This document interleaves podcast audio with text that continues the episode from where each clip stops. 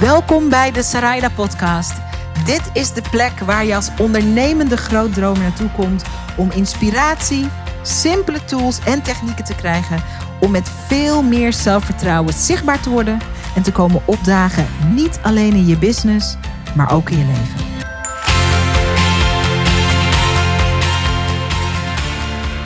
Stel dat je terug in de tijd kon ehm, naar de 19-jarige versie van jezelf en je mocht die 19-jarige versie van jezelf één advies geven.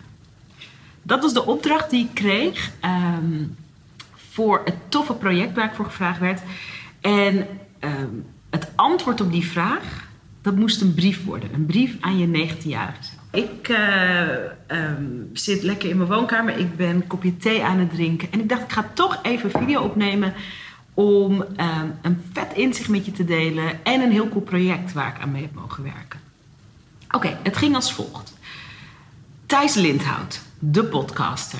Um, die ken ik omdat ik uh, in zijn podcast de gast ben geweest. Uh, ik heb zelf ook een podcast en wij hebben uh, dezelfde podcast editor, een audio Google audio wizard neemt Frank.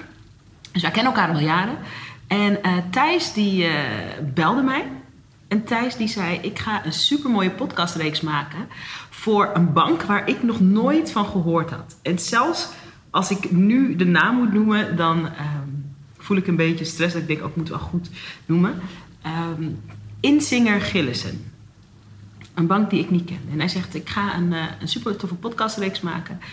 Um, en we gaan het hebben met een aantal verschillende mensen over een rijker leven. En wat het betekent voor mensen. En uh, we willen jou er ook graag bij. Dus nou, ik hou ervan om te interviewen, maar ook om geïnterviewd te worden. En ik vond het ook een tof thema. Omdat het niet ging over uh, geld. Maar over wat geeft je een rijk gevoel. Een van de eerste dingen die we moesten doen is uh, een brief schrijven aan je 19-jarige zelf. En ik heb die brief geschreven. Ik heb die hier. Kijk, ik heb mijn laptop hier. En uh, het is eigenlijk een hele mooie brief geworden. Hij rolde ook zo uit mijn pen, maar ik ga je er een klein stukje ook van voorlezen. Even kijken. Uh, het gaat een stukje over mijn vader ook. En dan gaat over iets wat me gebeurd is toen ik nog bij de tv werkte. Wat eigenlijk het begin was van mijn ondernemerschap. Um, dit gaat over uh, uh, toen ik, uh, ik kwam met een eigen bedacht idee te werken bij MTV. ik had het idee gepitcht aan de directie. Zo van, ik heb een goed idee voor het tv-programma. En toen werd ik aangenomen als, um, als assistent-producer, productieassistent. Daarna werd ik presentator en daarna ging ik naar BNN. en nu een stuk lief. Terwijl je inmiddels al veel meer levenservaring hebt opgedaan... maak je nog steeds regelmatig mee dat mensen je niet zo serieus nemen. Soms je ideeën niet, maar veel vaker je grote dromen niet. Wanneer je 26 bent en in een interview in de krant, de Volkskrant was dat, vertelt dat je ervan droomt om later John de Mol te worden en een John de Mol-achtig bedrijf te runnen, word je dat jaar bij de televisieringavond, dat grote gala, apart genomen door een belangrijke tv-maker die vertelt dat jij het vooral niet zo hoog in je bol moet hebben. Jij bent maar een spuit- en. Wat denk je wel niet? Dat is een stukje uit de brief. En uh, ik schrijf dat in de brief omdat. Uh, um, Um, en dat nou, kan ik misschien gewoon ook even voorlezen.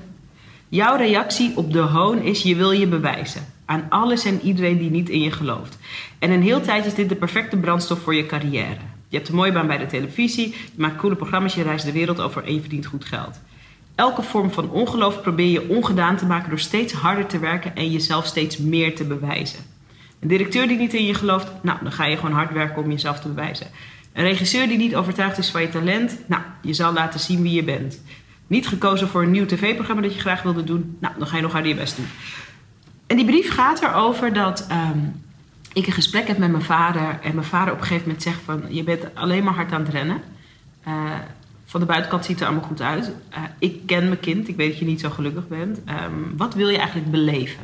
En die vraag, wat wil je beleven, dat is het begin van... Um, van eigenlijk uh, een grote carrière switch die ik heb gemaakt. Van tv, eigen bedrijf en dan nu wat ik nu allemaal doe.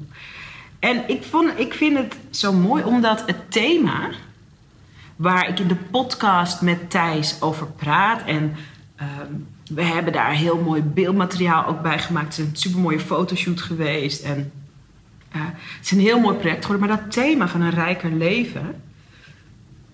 Mijn grote inzicht in het interview, en ik zal even linken waar je het interview terug kan luisteren, is dat ik moet leren na al die jaren, ik ben nu 37, om uh, te mogen lummelen van mezelf. Ik moet leren om rustiger aan te gaan. En uh, heel lang is bewijsdrang is mijn ding geweest. Ik kan harder werken dan iedereen. Ik kan harder werken dan iedereen. Ik ga het beter doen dan iedereen. En op een gegeven moment, ook omdat ik moeder werd, um, merkte ik dat gaat gewoon, dat brengt je maar op een bepaald punt. En daarna is er iets anders nodig voor als je echt groot wil gaan. Um, voor mij is het zo dat ik eigenlijk uh, sinds ik die bewijsdrang los heb gelaten, veel ambitieuzer ben. Maar alles komt op een veel rustigere manier tot stand. Dus ik ben eigenlijk veel productiever. Um, ik kan veel meer gedaan krijgen in veel minder tijd. Ik werk ook veel minder. Ik werk dat is heel veel uren. En ik werk nu 20 uur. En dat is best wel oké. Soms meer natuurlijk als het wel drukker is. Maar ik wil eigenlijk naar de 12 uur per, per week werken. Daar ben ik nog niet. Maar ik merk het komt van een hele, hele, hele andere plek. Niet van bewijsdrang, niet van ik moet me bewijzen aan de buitenwereld dat ik het kan of dat ik het waard ben. En ik weet dat superveel ondernemers dit hebben ook.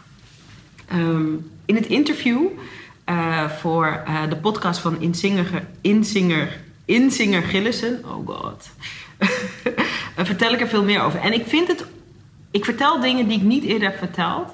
En ik vind het super waardevol. En daarom dacht ik, ik wilde er ook een vlog over maken.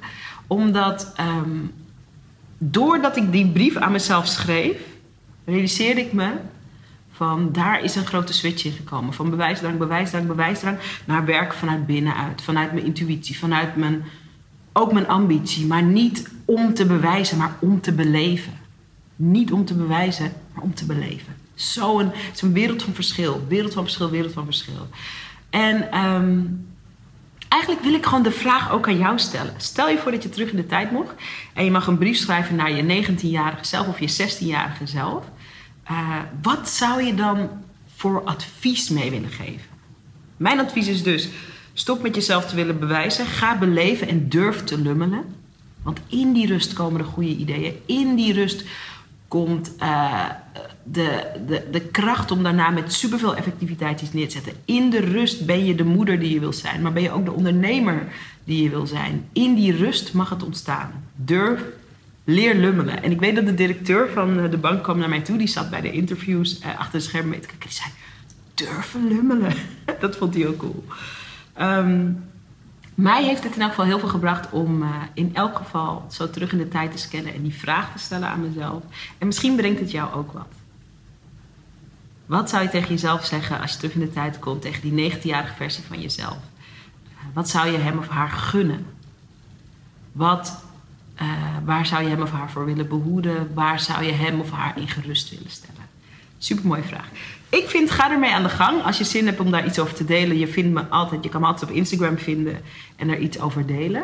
Um, als je de, het podcast interview, wat echt, echt heel mooi is geworden, wil checken, ga dan even naar uh, de beschrijving hieronder. Of uh, ga even naar mijn Instagram, want daar ga ik hem zeker ook doorlinken. Of als je op mijn nieuwsbrievenlijst staat, ik ga je zeker een mail sturen met ook dat interview. Want daar zit er echt, het is, het is echt een mooie reeks geworden. Um, en wie weet inspireert je.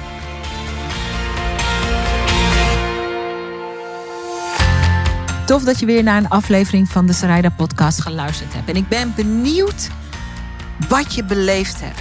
De intentie van deze podcast is om je in te smeren, te bombarderen met good stuff, met goede inzichten, met goede verhalen, met goede inspiratie, zodat je in actie komt. En ik wil weten hoe je het beleefd hebt. Kom het me vertellen op Instagram. Ik heet gewoon Zaraida Groenart op Instagram. En ik ben daar elke dag om met je te praten, om met je te connecten en om van je te horen waar ik je mee kan helpen. Dus kom connecten op Instagram. Zaraida Groenart heet ik daar. En laat me weten wat je van de podcast vindt. En als je dan toch bezig bent, wil ik je ook meteen even een kleine favor vragen. Want om deze podcast bij miljoenen ondernemers bekend te laten worden, zodat we heel veel mensen kunnen inspireren en helpen. want dat is natuurlijk mijn bescheiden intentie van deze podcast, heb ik je nodig. Je zou me ontzettend helpen door een bloedeerlijke review op iTunes achter te laten over wat je van deze podcast vindt en of je er iets aan inspiratie uithaalt. Hoe meer reviews we hebben, goed of slechte reviews, maakt me ook bijna niet uit eerlijk gezegd, hoe meer mensen de podcast kunnen vinden. En ik ben nieuwsgierig naar wat we voor jou kunnen betekenen met de podcast. Dus als je een minuutje over hebt, zou ik het heel tof vinden als je je bloedeerlijke mening over deze podcast achterlaat op iTunes. Ik bedank je, ik bedank je, ik bedank je. En ik spreek je hopelijk snel op Instagram of ik hoor je bij een volgende podcast. Dankjewel.